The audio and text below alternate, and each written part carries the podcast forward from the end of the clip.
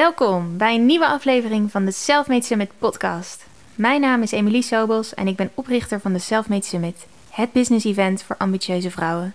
In deze podcastserie luister je naar verschillende talks die zijn gegeven tijdens de Selfmade Summit in oktober 2020. Dat was zo'n groot succes dat we er een aantal hebben geselecteerd om met jou te delen.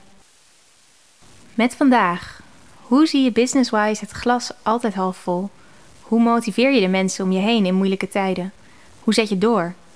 In deze aflevering heeft programmamaker Iris van Lunenburg het met creatief ondernemer Fabienne Chapeau over positief leiderschap, trusting the process, relativeringsvermogen en zelfvertrouwen. Daar kunnen we altijd meer van gebruiken. Hallo en welkom terug hier op de Galaxy Stage. Ik ben Fatima Warsame. De volgende twee sprekers, eigenlijk een interview, uh, is uh, Fabienne Chapeau, waar ik vandaag helemaal in gehuld ben. Uh, en Iris van Lunenburg. Even over Fabienne. zij is al 15 jaar al, al, ondernemer van haar eigen modemerk. en startte dat op haar 25ste. En in 2016 um, nou ja, ging ze eigenlijk verder met de naam Fabienne Chapeau. Uh, vandaag zullen we gaan praten over hoe je bij de lastige momenten doorzet. Hoe je business-wise het glas altijd half vol kunt zien. En hoe je met de positieve instelling je omgeving meeneemt en uh, ja, dingen laat slagen. Over Iris. Zij is bekend uh, als presentator van het NPO-programma Iris Onderzoekt. Uh, en ook verslaggevers van programma's zoals Jan rijdt rond, Iris Test en Iris in Ivorcus van Linda TV. Dus ik wil heel graag de dames uitnodigen voor een interview.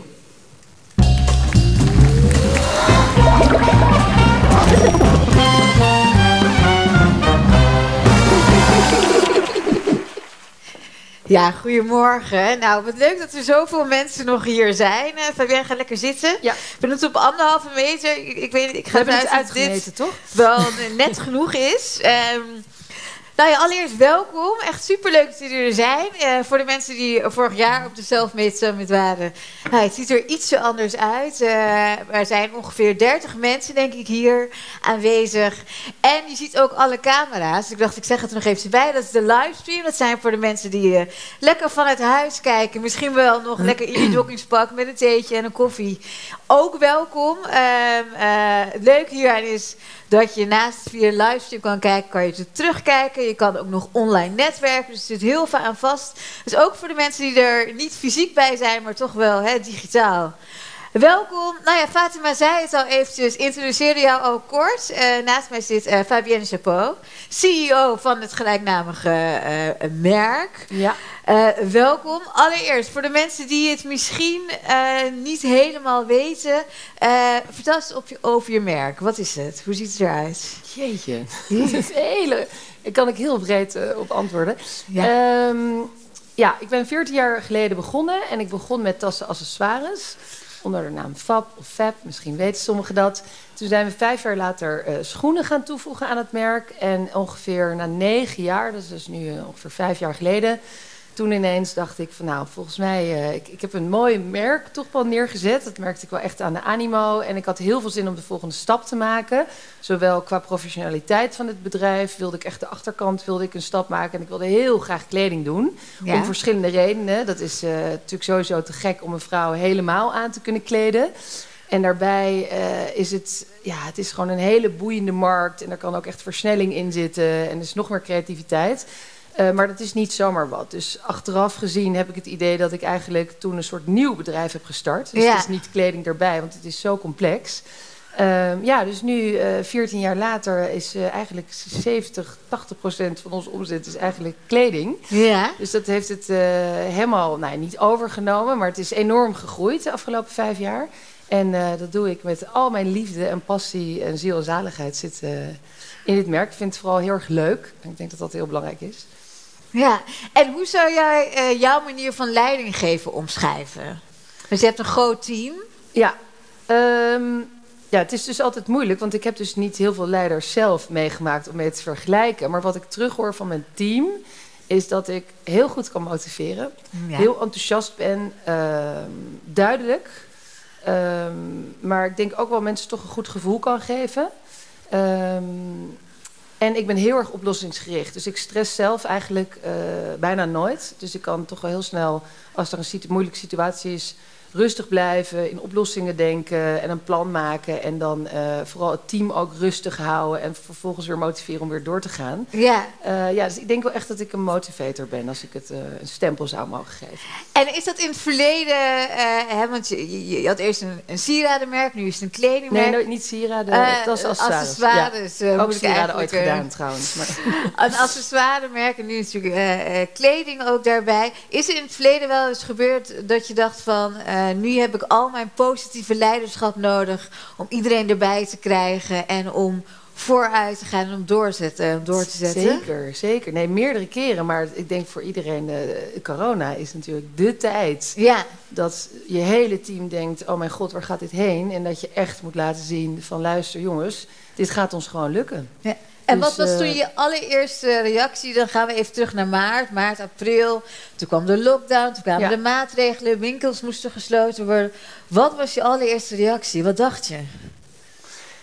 Ja, ik denk dat iedereen op zijn eigen manier dat even. Ik heb dat kort gehad, misschien één weekend of drie dagen, dat ik echt dacht: oké, misschien is dit het einde. Misschien is dit 14 jaar ondernemen, alles ja. gegeven en stopt het nu. En uh, weet je, niemand wist, uh, niemand wist wat er ging gebeuren. Mensen hadden het over, dit virus is nog jaren bij ons. En je dacht misschien, weet je, al onze, onze eigen winkels waren dicht. Ja.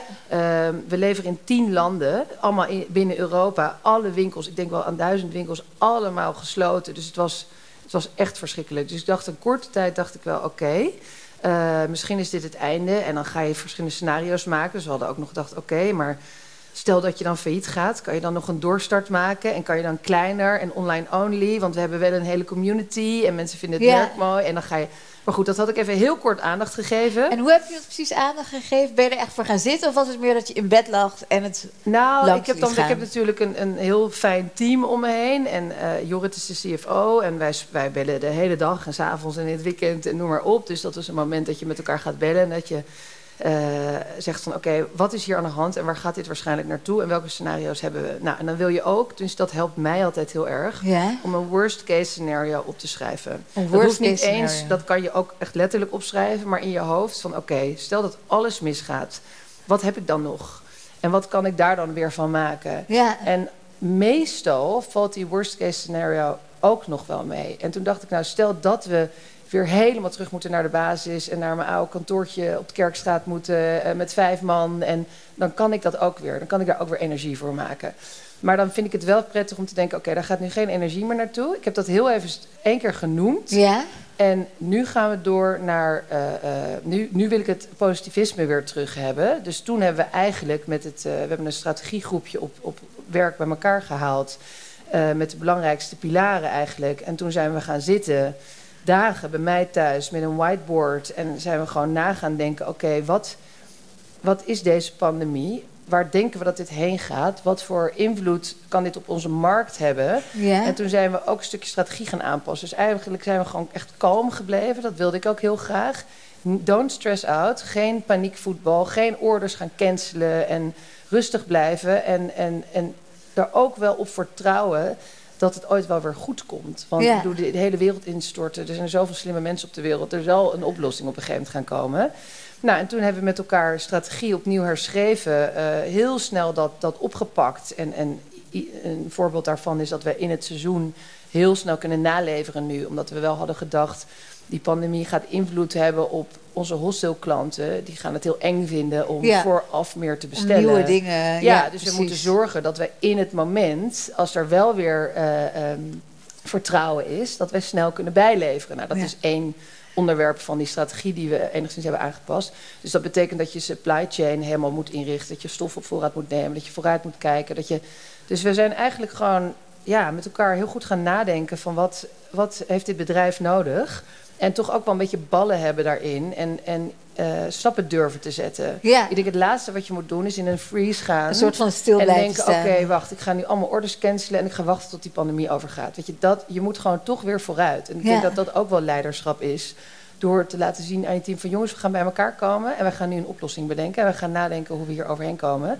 En het klinkt heel stom, maar toch een soort ook een mantra van wij gaan hier overheen komen. Klaar. Ja. Ik heb dat ook tegen mijn team gezegd. Ik had wel op een gegeven moment, ik had hele mails wat we elke week stuurden, want iedereen was natuurlijk thuis aan het werk. En op een gegeven moment via uh, Teams, Zoom eh, ja. weet je, toegesproken van jongens, wij gaan, dit gaan wij redden. Ja. Gewoon dat, die, die power. En ik vind het zelf lekker om het ook uit te spreken. Ja. Omdat het dan ook eh, in de lucht hangt of zo. Ehm, ja, dus dat. Dus dat is echt weer jouw positiviteit. Die, eh, je- je- zo neem jij mensen mee. Had je ook mensen die dachten van... eh, ja, het is allemaal leuk die positiviteit, maar ik voel het nog niet. Of, of, of, of mensen die je niet meekregen. En wat deed je daarmee? Ehm, kijk, uiteindelijk moeten ze wel mee. ja, dat klinkt even stom. Maar weet je, want je zet, je zet iets neer. Je zet een pad neer, je zet een strategie neer. Ja. En het kan best zijn dat mensen angstig zijn. Maar ik denk dat ik dan ook weer eh, een managementteam heb. eh, die dat wel goed over kunnen brengen. Dus als ik het aan mijn managementteam overbreng. en het managementteam weer aan hun teams. dan Ja. is dat toch wel een soort energie die door dat bedrijf heen zijpelt. Ja. Dus ehm, het zal best zijn dat mensen misschien gedacht hadden... nou, weet je, Fabienne zegt het allemaal wel... en ik ben echt heel erg benieuwd. Ehm, maar dan nog moet je toch mee in de plannen, weet je wel. Je kan Ja. moeilijk je werk Stil niet meer blijven, doen. ja. Dus ehm, ja, ik hoop dat degenen die getwijfeld hebben... nu denken van, eh, het klopt dus, we zijn er doorheen gekomen. Ja. En wat ik heel erg benieuwd ben, eh, waar komt jouw positiviteit vandaan? Waar komt die houding van? Heb je dat altijd al gehad? Of heb je dat echt moeten ontwikkelen? Ja, het is grappig dat je het zegt, want ik heb er wel vaker over nagedacht. Ik denk dat, er een, eh, eh, dat het echt nurture en nature is. Ik denk zeker dat er mensen misschien gewoon geboren worden met een, een, het, het glas is half vol. Want ik heb, altijd, ik heb gewoon heel erg veel vertrouwen in het leven. En ik ben Ja. Een heel gelukkig en positief mens van mezelf. Maar daarbij ben ik ook heel erg opgevoed. Ik herinner me echt dat mijn moeder, echt toen ik jong was, altijd zei: Fabienne, dat kan jij gewoon. Gewoon, ja, als, als, ik, of als ik ergens onzeker over was, van ja, maar als zij het kan, dan kan jij dat toch ook. Je hebt toch gewoon normaal ster hersenen en je kan, jij kan dat toch gewoon. Ja. Dus, ik weet niet, het is er wel heel erg inge... Ja, zo ben ik echt opgevoed. En mijn vader heeft ook altijd tegen me gezegd... Van, nou, je moet gewoon altijd heel erg je best doen. En meer dan dat kan je niet doen. Dus ik heb daar ook een soort relativeringsvermogen... denk ik wel vanuit huis meegekregen. Ja. Van geef gewoon alles. En als het dan niet lukt, is het ook niet erg. Ik vind het bijvoorbeeld ook niet erg om fouten te maken. Ik ben namelijk niet een enorme perfectionist. Ik wil gewoon, ik wil gewoon alles proberen en alles geven. Nooit het idee hebben dat ik, dat ik meer had kunnen doen. Ja. En als het dan loopt zoals het loopt, dan kan ik, ik kan ook heel snel accepteren dat, dat er iets niet goed gaat en dan weer, weer door. En is het ook wel om je eh, op zo'n, nou ja, niet makkelijke manier, maar op deze manier ook met corona omgaat? Dat je snel, nou ja, er is een pandemie, er is een tegenslag, maar eigenlijk best wel snel maak je een slag. Ja, ja ik merk dus dat ik heel weerbaar ben. Dat ik, ik dacht ook achteraf van oké, ik ben wel iemand die dus goed, is, goed gaat op crisissen. Omdat, Oké, ja. ja. omdat ik denk, ehm, ik kan gewoon, ik denk dat ik mijn ratio toch heel erg gebruik. Want natuurlijk komt er angst. En ik heb dus ook, ik heb ook mijn moeder huilend aan de telefoon gehad. Waarom was, was dit het nou? Mijn carrière en eh, waar moet ik een baan? Wat kan ik eigenlijk? Ja. zo. Even, dan ben je even heel zielig. Maar dat is dan bij mij wel echt heel kort. Dan denk ik, Ja. oké, Fabienne, dan gaat mijn ratio. Dit heeft geen zin. Door angst laten leiden, daar is nooit iemand beter van geworden. Dus Nee. dat gaan we niet doen. Dus we gaan nu rustig nadenken. Hoe ziet de situatie eruit en wat zijn de oplossingen? En dan kan ik dus heel snel, kan ik echt die knop omzetten. En dan kies ik ervoor om daarover na te denken. Ja, En dan kies ik er ook bewust voor om die angsten beetje aan weg. de kant te eh, zetten. Ja. En ja. dat is misschien, dat is voor mij denk ik wel fijn in mijn rol als leider. En in een business in de mode die ongelooflijk grillig is en alle kanten op kan gaan. En waar je aan de lopende band gezeik hebt, om het maar zo te zeggen. Problemen met productie. Weet je, er is altijd wat. Ja, En ehm, dus jij moet daar wel tegen kunnen. Het is denk ik wel belangrijk om niet snel in, in angst te gaan zitten, maar altijd in een, in een oplossing weer te denken. ja, en dat is ook wel echt een tip, zowel aan de mensen hier in de zaal als degene die via de livestream kijken. Wat zou je hè, in deze tijden van corona, we zitten denk ik misschien wel aan de vooravond van het tweede, ja, Ja, toch wel misschien wel een lockdown Ja. of, of, of Ja, andere ja. maatregelen. ja. Hoe, hoe kijk je daarnaar? Wat, zou, wat wordt jouw, eh, jouw focuspoint vanaf nu? Als we nog een keer die hele situatie van maart, april mee gaan maken. Nou, waar ik me wel bewust van ben, en volgens mij hoor je dat bijna iedereen zeggen, ook op tv. Kijk, de eerste keer, ehm, we wisten niet wat ons overkwam. Dus Ja. er komt een soort warrior-mentaliteit komt naar boven. Van oké, en we gaan dit doen. En eh, iedereen ging in lockdown, maar we gaan er doorheen komen. En nu merk je wel met die tweede keer dat je denkt: Ja. oh, mijn energie is wel wat lager in dat. Kom op, jongens. Want dat was ook een collegaatje die zei: Jeetje, ik moet echt een team merken. Ze hebben geen zin om thuis te werken. Ze Nee. willen gewoon op kantoor zijn. En weet je, iedereen is er zo moe van. Ja. Dat ik me dus ook, maar dan, dan realiseer ik me dat ook. Van oké, wat is er nu aan de hand? Iedereen vindt het lastiger om te motiveren eigenlijk weer. Want we zijn er allemaal helemaal klaar mee. En misschien wordt het straks nog wel erger. Dan moet ik dus nu in een oplossing denken. Hoe kunnen we ervoor zorgen dat juist op dit moment... dus nog iedereen toch weer gemotiveerd wordt. Dus dan zou Ja. ik... Nou, ik zit nu letterlijk met jou over te brainstormen. Maar ik kan Ja. iets bedenken wat we kunnen doen met het team... om toch meer connected te worden. Of weet je, dus denk erover na. Wat heeft het team nu nodig Ja, precies. om toch je weer hier ook weer doorheen te slaan. En dat is misschien net iets extra's dan in maart. Ja, Omdat mensen gewoon. toen wisten we nog niks. En Toen- nu... Precies. Dus ja, dat is toch ook weer. Bekijk de situatie. Wat is er aan de hand? En Ja. wat, wat heeft het nu nodig? En ga dat doen. Ja.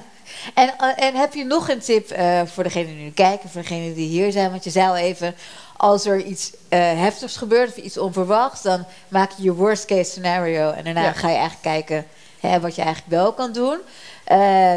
Ik hoorde je rust bewaren, Ja. niet te angstig worden. Wat voor tips zou je nog meer kunnen geven?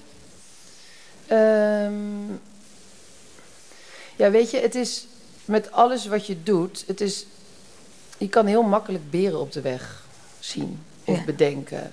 Maar uiteindelijk, ja, dit is volgens mij is het misschien ook wel heel vaak gezegd, maar uiteindelijk moet je dingen gewoon gaan doen. Ja. Kijk, Natuurlijk moet je niet te naïef zijn en je moet wel echt eventjes nadenken van oké, waar liggen die risico's? Maar ik geloof er toch in dat je uiteindelijk, weet je, you will fix it when you get there. Dat is toch, dat is wel een beetje ook mijn motto. En uiteindelijk is het toch ook altijd wel gelukt. Dus dat komt misschien wel weer terug een beetje bij van wat is je worst case scenario? Weet je, als je, als je echt voelt dat je iets moet doen, want dat had ik bijvoorbeeld bij die kleding. Nou, Ja. Er zijn echt meerdere mensen, ook uit de branche geweest, Fabienne. Weet je zeker dat je hier aan gaat Oh. beginnen? Dit is echt, weet je, het percentage van bedrijven die dat niet lukt. En het, weet je, heel veel negativiteit. En dacht ik, oké, zou heel goed kunnen. Maar er zijn er toch ook een aantal die het wel gelukt Ja. zijn. Dus waarom hoor ik daar dan niet bij? Dus weet je, ja, je kan altijd, je kan honderden dingen bedenken die gaan mislukken. Maar ik denk van ja, dat, dat heeft gewoon niet zoveel zin. Ik vind het dus zelf gewoon heel lekker om me altijd, altijd op het positieve stuk te focussen. Ja, Maar de valkuil is natuurlijk dat je wellicht wat naïef of opportunistisch wordt. Ehm, ja is dat zo? nou, dat, ik denk dat aan alles altijd een valkuil zit. Dus zeg maar de andere kant van de medaille. Maar dan denk ik toch dat ik maar liever af en toe soms te naïef ben en Ja. dan even een, een fout moet oplossen. Maar dat ik wel gewoon ga. Ja. En eh, jij vertelde dat je dus hè, toen eh, corona begon eigenlijk, of in ieder geval de pandemie begon, eh, je strategie hebt aangepast. Hoe gaat het nu met Fabien Chapeau? Ja, het gaat echt zo goed. ik ben echt zo blij. En daarom heb ik, ook, heb ik ook helemaal geen zin in die tweede golf. Omdat we echt Ja. net zoiets hadden van... Yes, weet je, we hebben dit echt overleefd. Want we, hadden, we hebben ook nou ja, goede collecties gemaakt. Het doorverkoop is goed. We hebben dus geen orders gecanceld voor Ja. de winter. Waar wij al, sommige andere merken dat wel gedaan hebben. Dus wij kunnen heel veel naleveren. Dus door die strategie-aanpassing. Dus alles wat we bedacht hebben, dat blijkt ook nu echt te werken. Dus dat geeft sowieso e- echt een kick. En dat is heel leuk. Ja. Dus we gaan, eh, ja, we gaan, en we hebben echt een fantastisch jaar. We gaan ook echt, eh, ja, goed eindigen. Dus dat is, ik ben echt heel erg blij. Dat is heel erg fijn. En hoe zie je 2021, voor zover je dat in kan schatten? Qua, Eh, nou, qua, qua hoe het gaat met je bedrijf, of het gaat groeien, of dat je denkt van... ja, we gaan sowieso groeien. Ja? Dat is 100% zeker. En dat, weet, dat kan ik ook zo zeggen, omdat je, nou, je, je ziet gewoon de lijn in verschillende, ehm, verschillende takken waar je verkoopt. En we hebben een inverkoop gehad, wat in volgend jaar valt. Dus we hebben al een stukje. Nou, ik zal jullie eh, de details besparen. Ja? Maar eh, ja, dus we gaan sowieso groeien. En natuurlijk, het enige, als, als, zeg maar de, de, als corona enigszins onder controle is, Ja. gaan we gewoon een ontzettend goed jaar hebben. Eh, maar dat is het enige wat we altijd zeggen. Ja, dat hebben we niet onder controle. Als wij drie maanden in een lockdown gaan, ja, Ja. dan ziet de wereld er voor ons natuurlijk ook weer heel anders uit. Dus, maar dan denk ik ook, weet je, dat, daar kan ik ook oprecht zelf niks aan doen. Nee. Behalve een mondkapje dragen en afstand houden. Ehm, maar dus dat heb ik, dat, daar ga ik ook niet te veel over stressen, because it's out of control. Ik, ik- Ja. ik, ja. Dat, dat weten we nog niet. Nee, dat weet niemand. Nee. Eh, maar ik ben wel echt heel blij dat we gewoon met het hele team echt goede dingen hebben gedaan. Dus daar ben ik best wel trots op. Dat je denkt van Ja. oké, we hebben. Ja, we zijn gewoon rustig gebleven en eh, goed nagedacht. En eh, ook direct dat gaan aanpakken. En dan denk ik, ja, dat, dat hebben we gewoon goed gedaan. Dus dat uh, ben ik trots op het team. Goed zo. Ja. ja, dat is goed om, om te horen. En als ik jou zo hoor, dit gesprek zo hoor. Uh, ja, jij, jij, hebt echt een positieve benadering, positieve energie. Mensen zeggen wel eens, misschien wat naïef, maar dat na corona de manier van leiding geven, de manier van leven uh, misschien wat anders wordt. Uh, denk je dat jouw stijl van leiding geven, dat het meer bij de toekomst hoort? Zou ik het zo kunnen zeggen? Um, dus dat andere positiever zou er. Ja, precies. Dat, dat, het, wordt, dat het wat minder alleen maar op de winst of wat minder, wat minder hard als het ware, maar meer mensen meenemen in je verhaal, um, positiever zijn. Ja, ik hoop het. Ja, ik kan natuurlijk niet zo goed bij andere bedrijven naar binnen kijken, maar ik, ik hoop het wel. Maar wat ik ook denk dat corona heeft gedaan. Mm Dat hoor je natuurlijk ook heel veel zeggen. Dat het echt een soort versnelling is geweest in dingen die je al wilde. Dus ik kan me wel voorstellen dat bedrijven geleerd hebben van corona. Oh, het kan ook ineens wel heel snel. Ja. Wij hadden allemaal dingen op de plank liggen. Ehm, die je door de red race die je hebt, dan denkt: oh ja, dat komt wel, dat gaan we nog doen. En oh ja, dat moeten we nog een keer doen. En toen corona er was, ehm, lag er heel veel stil. En toen hebben we gezegd: maar nu moeten we, we moeten nu op online, we moeten nu dat CRM-systeem. En dan zie je wat je eigenlijk kan doen in een korte tijd. Ja. En je moet dus ook, dat is in die zin fijn dat wij eh, nog niet zo groot zijn, dat we dus ook flexibel hebben kunnen meebewegen eigenlijk met wat corona uh, um, veroorzaakte voor ons. En wat dus de markt nodig had. Dus ik, ik hoop dat bedrijven misschien wel inzien.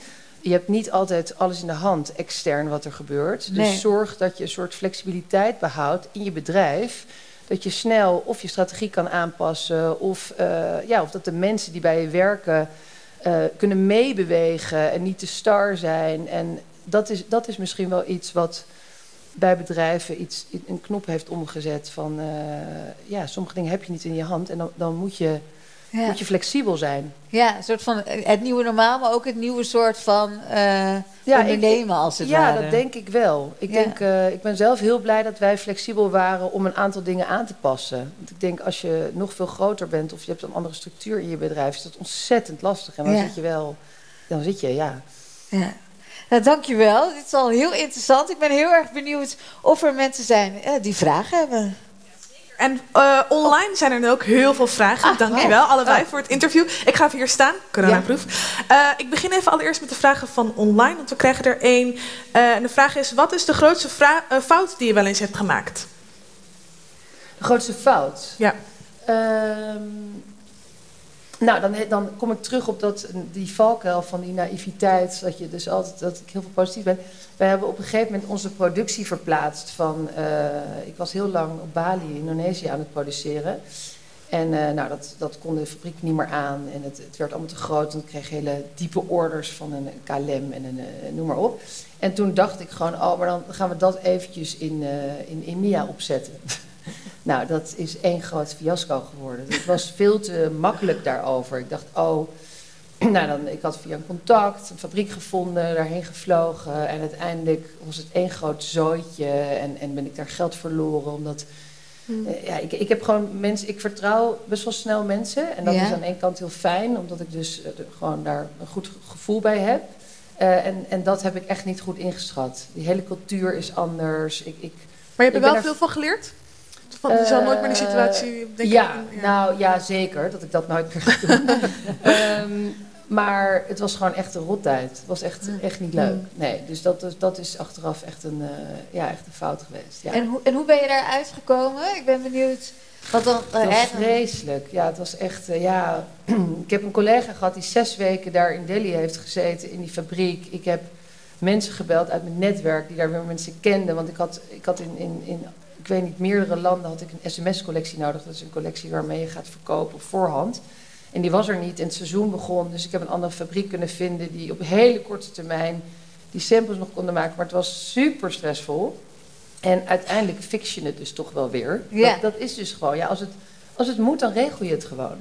Dus uh, ja, dat, daar zijn we ook weer doorheen gekomen. Maar het was, het was niet leuk. Het was, nee. Uh, ja, nou ja, dat hoort erbij. Uh, de volgende vraag eh, sluit daar ook een beetje bij aan. Uh, wanneer doe je iets zelf en wanneer vraag je hulp aan anderen? Oh ja, dat is een goede vraag.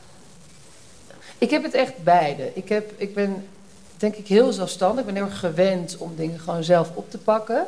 Maar ik denk dus wel altijd aan mijn einddoel. Ja. Dus er is niet een stukje ego dat denkt, ik moet het zelf doen. Als ik denk, oké, maar dit, dit kan je gewoon niet. Wat helemaal prima is, want ik kan niet alles. Dan denk ik altijd, oké, ik wil daar komen. Als ik dan hulp kan... Ik kan, heel, ik kan dus ook heel goed hulp vragen. Ik kan makkelijk uit mijn netwerk iemand bellen en eh, zeggen... joh, luister, ik weet niet hoe ik dit aan moet pakken. Ken je nog iemand? Kun je me alsjeblieft helpen? En dan ben ik ook altijd... vind ik het heel fijn om mensen dan ook wel echt weer te bedanken daarna. En ik zou het andersom ook doen. Maar ik denk dat je, dat je echt eh, dat, je dat gewoon moet durven. Ik, ik heb dat wel eens gehoord dat mensen zeggen... Ja, ik vind het heel moeilijk om dan om hulp te vragen. Ja. Maar dan denk ik, heel veel mensen vinden het ook heel leuk om te helpen. Hè? Die denken van, oh, oké, wat fijn. J- Jij hebt echt een probleem en ik ken iemand en dan kan jullie linken. En dan, ja, Ja. er zijn ook heel veel mensen die vinden dat heel leuk. Samenwerken. inderdaad, Ja. Ehm, ik doe nog eentje vraag van online en dan kunnen we naar de zaal. Ehm, de vraag is, hoe hou je je kwaliteit hoog als je overal positief in staat? Dus ik, ik snap de vraag nog niet helemaal, maar ik, de- ik eh, denk dat ze bedoelen van... Nou, omdat je heel veel hebt over positiviteit, Ja. ehm, hoe je dan toch wel kritisch kan blijven. Ik denk dat dat een beetje de vraag is. Nou, ik ben heel kritisch. nee, zeker. Ehm, maar ik ben dus niet 100% perfectionistisch. Ja, dat klinkt misschien een beetje gek. Ik moet even, eigenlijk even uitleggen. Ik, ik, kies waar, ik kies heel bewust waar ik wel niet perfectionistisch eh, op ben. Kijk, je moet als je... De bedrijf waar we nu in zitten, we hebben een aantal doelstellingen. Je moet ook snel groeien. Ja. En als je snel wil groeien, dan ga je ook fouten maken. Want als je continu alles helemaal tot, het, eh, tot perfectie wilt doen, dan duurt het gewoon te Dan lang. sta je stil. Dan duurt het te lang. Ja, precies. Dus soms moet je gewoon ergens jezelf in het diepe gooien en gaan. En dan moet je dus maar voor lief nemen dat het misschien 90 of 80 procent goed is en niet 100. En wat je dan niet goed hebt gedaan, dat ga je dan van leren. Dan ga je de volgende keer weer beter doen. Ja. Dus de snelheid moet er wel in blijven. Dus ik weet, ik weet ook waar ik echt wel kritisch op moet zijn. Als je het hebt bijvoorbeeld over kwaliteit van kleding, daar ben ik heel kritisch op. Weet je, daar moeten we echt, de lat is echt heel hoog, want we moeten zorgen dat het goed zit en dat Ja. de maatvoeringen goed zijn, et cetera. Maar iets anders kan ik weer denken, oké, dat dit willen we nu op gaan zetten, of dit is, hier moeten we de snelheid in hebben. Dus ja, het is Wat echt- zijn dat dan? Wat voor, de, wat voor dingen zijn er waar dan van je denkt, nou, dat moet, dit moet gewoon even door? En, Ehm, nou, weet ik veel. Als je bijvoorbeeld denkt van ik heb een... ehm, o- of iets met marketing. Of we willen iets gaan, gaan proberen, een nieuwe richting. Of met fotoshoots. Of dan eh, kan je zeggen van nou, we, we weten het niet. Maar we gaan niet eerst drie shoots allemaal zelf uitproberen. We gaan het gewoon één keer proberen, want we moeten door. En dan als het Ja. niet helemaal perfect is, dan kan ik me daar prima overheen zetten. Ja, ik kan nu misschien niet even een, een voorbeeld noemen. Maar je hebt eigenlijk de hele dag beslissingen die je moet nemen. En dan moet je eigenlijk gewoon een soort, op een soort weegschaal leggen van hoe, eh, hoeveel impact heeft het op mijn bedrijf. En moet ik hier nu juist heel erg kritisch op zijn en super perfectionistisch. En iets anders kan ik een beetje, Loslaten. een beetje loslaten. En dat is eigenlijk denk ik waar ik de hele dag continu in beweeg. ja. Want nogmaals, als je die snelheid wil houden, dan kan je niet alles tot in de puntjes uitdenken. Nee. Omdat er gewoon geen tijd voor is. We hebben nog wel tijd voor één vraag uit de zaal. Hiervoor? Ehm, ik heb nog wel een vraag. Ik was wel benieuwd, ik hoorde je best wel veel waarderingen uitspreken eh, over je team en over de mensen om je heen. Eh, ik was ook benieuwd, hoe belangrijk vind je dat in jouw rol als leider? Om dat ook richting hun uit te spreken. Heel, heel, heel Ik herhaal heel de vraag belangrijk. heel veel Ja. voor de mensen thuis. Dus de vraag is, hoe belangrijk vind je het om eh, die waardering uit te spreken aan je team? Nou, ik vind het super belangrijk. Misschien wel een van de belangrijkste dingen. En dat, nou, dat is denk ik ook een stukje motiveren. Maar eh, kijk, iedereen vindt het leuk om te horen als je heel hard je best hebt gedaan en hard hebt gewerkt eh, en het is goed gegaan. Is het zo fijn om waardering te krijgen. En ik vind het sowieso ook heel leuk. Het gaat met mij wel best wel natuurlijk om dat ook te geven. En ik eh, vind het ook heel belangrijk voor het teamgevoel. Want ik doe dit absoluut niet alleen. Sterker nog, dan was er helemaal niks van gekomen. En ieder heeft zijn kwaliteiten. En er zijn heel veel mensen bij mij op kantoor die veel beter zijn dan ik in bepaalde vlakken. En ik vind het juist zo bijzonder om te zien dat je kan toewerken naar een bepaald resultaat. Wat gewoon aan alle kanten door het hele team wordt gedragen. En ieder heeft zijn eigen bijdrage. En alles is net zo belangrijk. Degene die de telefoon opneemt eh, bij de webshop om eh, service te verlenen. Ja. Dat kan ook heel schadelijk zijn als dat niet goed gaat. Dus er zijn zoveel facetten. En iedereen werkt bij ons echt heel hard. En is super gepassioneerd. En eh, daar ben ik zo dankbaar voor. Dus ik heb eigenlijk mijn geluksmomenten zijn altijd... Kan nu niet meer door corona. Maar als je dat hele team bij elkaar hebt en iedereen zoveel liefde toont voor je merk en daar zo hard voor werkt. Dat is, eigenlijk is dat misschien nog wel uh, waar je het meest voor doet. Mhm. Nou, ik wil heel veel liefde tonen aan jullie. Dankjewel. Fabienne, dankjewel. Iris, dankjewel iedereen ja, Leuk, dankjewel. Ja. Wil je nou meer vrouwelijke rolmodellen horen? In 2021 komt de Selfmade Summit terug. Je vindt alle informatie en tickets die je nu al kunt bestellen op de Tot dan!